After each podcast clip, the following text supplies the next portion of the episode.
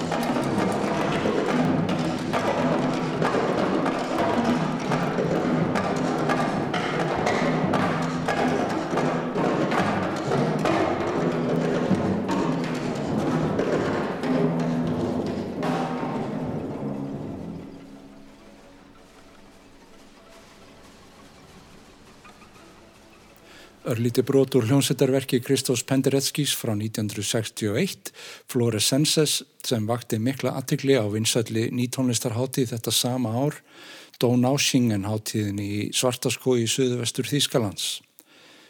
Flúr ljómuninn talaði ekki síður til áhærenda en ljósbrotið tveimur árum áður og Penderecki var auðfúsu gestur á þessari háttíð árum saman.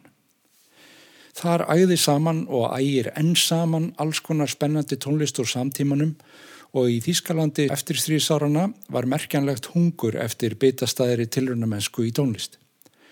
Jazzmusíkin sem var á miklu umbrúta skeiði á þessum tíma var undir smásjáð þeirra sem sóttu háttíðir á borði þessa. Penderecki fyldist af áhuga með því hvernig jazzleikarar letu vaða á súðum í alls konar skrítnum hljónsettum Hann fylgdist til að mynda af áhuga með Globe Unity hljómsveit Alexanders von Slippenbach og músik Dons Cherry, svo eitthvað sé nefnt, og því þótti tilvalið að setja saman stóra hljómsveit 1971 og fá pólska tónsmiðin til að setja saman músik fyrir þennan kvadvísa hóps bunamestara.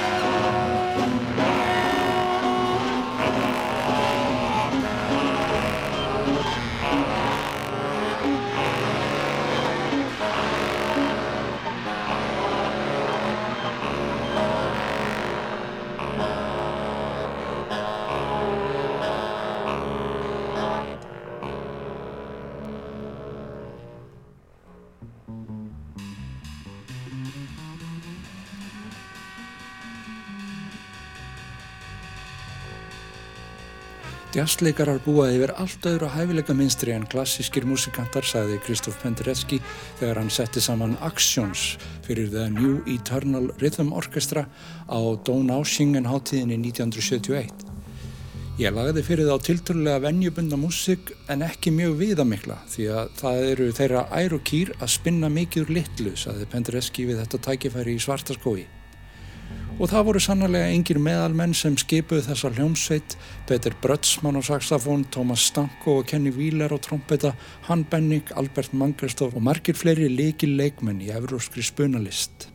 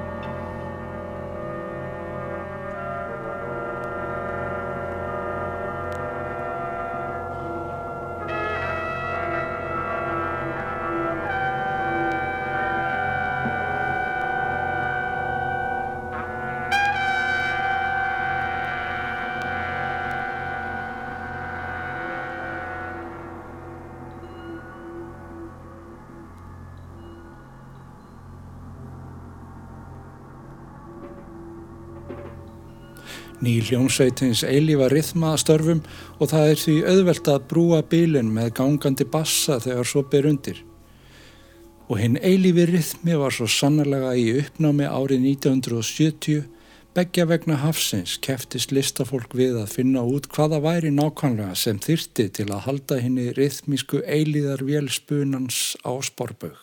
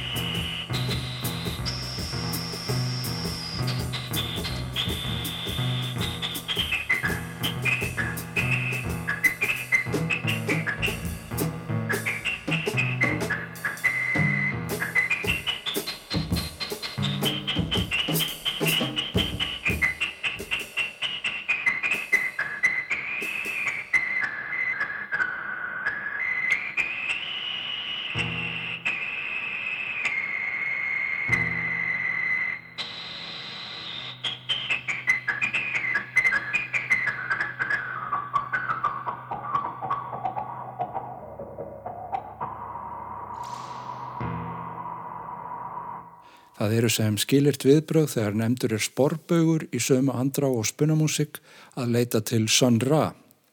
Hér hljómaði dæmið um það sem hann var að músisera árið 1970. My Brother the Wind heitir lægið en það kom út á sannmendri blötu þessa kommunu leðtúa tónlistarinnar. Sönra var ávalt með stefnuna út í sólkerfið og það er því kannski skiljanlegt að þessi hugleðing hans kvíli einn stert á blúsforminu og raunber vitni. Það verður jú að vera einhver hjartenging í öllum galskapnum. Og blúsin fór víða þá sem nú, eitt þeirra sem átti vísa aðtikli fyrir sína músik í Evrópi árið 1970 var Gil Evans sem hafði á sjönda áratögnum stimplað sína útsetninga hæfileika rækilega inn í vitund heimsbyðarinnar með Miles Davis en var nú oft miklu flugi með eigin hljónsvitt sem spilaði meðan annars lög eins og þetta, Blues in Orbit.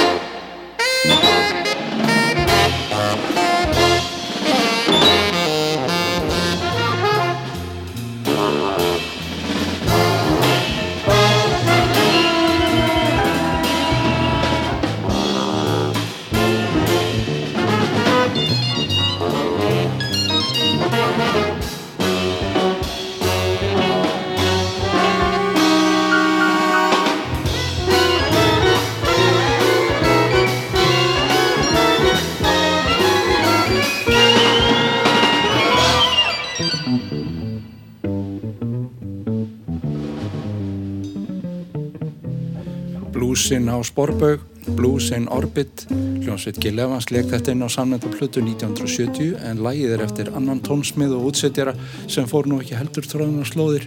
George Russell heitir hann og er efni í annan þátt. Við staldurum aðeins við þetta ártal 1970 góður hlustendur eins og vikið var að voru nokkur þáttarskil í djastónlist þessa tíma, frjálsspunni, þriðji ströymurinn og hvað þetta heitir nú allt saman, allt komið saman í einn pott og sögð bæði nýður og upp úr. Og aðal kokkurinn í þessu eldhúsi Nortnaseðsins var Miles Davis.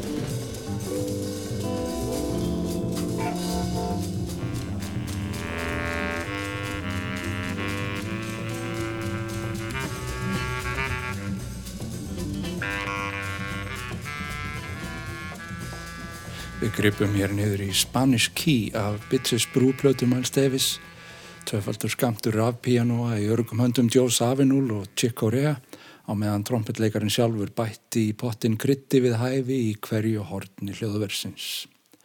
Þessi plata og þessi nálgun Miles Davis við að búa til músik er ennað valda heilabrótum en býstna margir hafa orðið til að leita í þetta tímamóta verk til að komast að kjarnamálsins í eigin tónlistasköpun. Stórsveitar skaldið Bob Belden gerði fyrir nokkurum árum útsetningar á ýmsu því sem Miles Davis sendi frá sér. Hann fekk Wallace Roney til að blása yfir Spanish Key.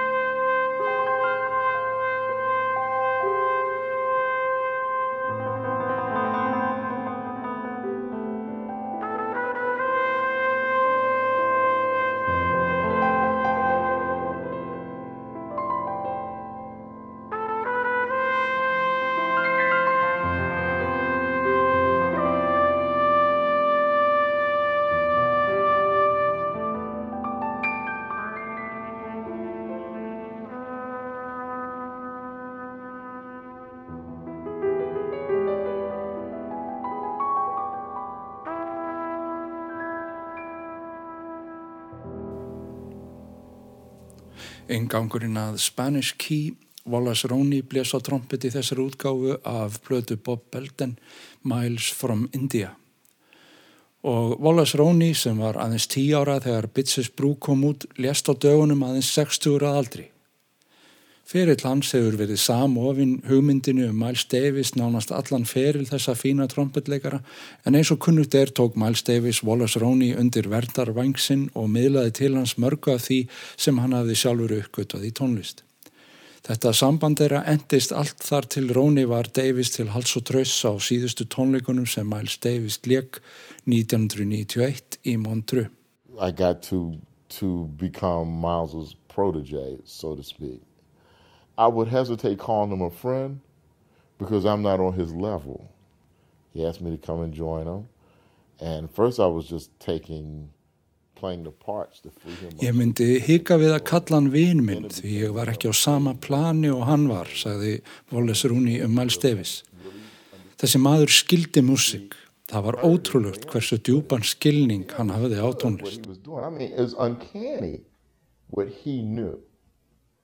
And he and and we sit there and we talk about it and he would say find this right here.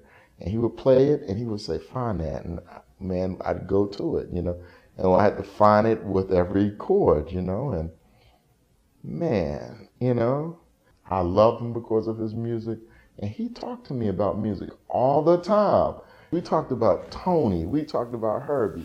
Ég elskaði hann vegna tónlistarinnar og við töluðum um tónlist endalust.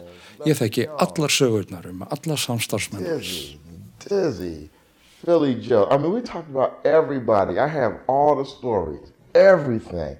Everything he wanted to talk about, he, we would talk about it, you know. Well, you know, you definitely had to earn Miles Davis's respect. And not everybody could do that. I'm proud of that. Maður þurfti að vinna fyrir viðurkenningu Miles Davis. Það get ekki allir. Ég er mjög stoltur á að hafa náð því. Hann var hetja allrar tónlistar. Það var alveg sama hvað hann tók sér fyrir hendur. Hann var alltaf brautriðandi. He was the hero to the jazz, to the music in general, because no matter what he did, he was the innovative artist. Wallace Roney talaði fallega um fyrirmynd sína Miles Davis og það er óætt að mæla með því að skoða síðustu tónleika Miles Davis með Quincy Jones á Montreux háttíðin í 1991. Þar er ungur Wallace Roney tilbúin að hjálpa fárveikum meistarannum í gegnum erfiðustu trompetskablana. Þar fer ekkit á milli mála fölskvalauðs aðdáun Wallace Roney á Miles Davis. En það er líka ástæðilega geta þess að aðdáun Wallace Roney fór víðar 2014 hljóðritaði hann til að mynda tónlist sem Wayne Shorter hafði samið fyrir Miles Davis og stóra hljómsveit en hafði af einhverjum ástæðum ekki verið spiluð inn á segulbönd þá. People in the band got fired or left the band, however it was. Líklega glemdi Wayne Shorter þessari músík, saði Wallace Roney. Þetta er mjög framsækinn tónlist því Wayne var að spila mikið á flókinni tónlist á þessum tíma. Hann var líklega að pæla í Stravinsky og þannig tónsmiðum. Ég geti líst þessari tónlist tæknilega en hlustaði bara og upplýðu myndirnar sem hún bregður upp. But technical terms are, are only way to describe what you hear. The feeling you're going to get, the, the imagery, imagery of what you're going to hear.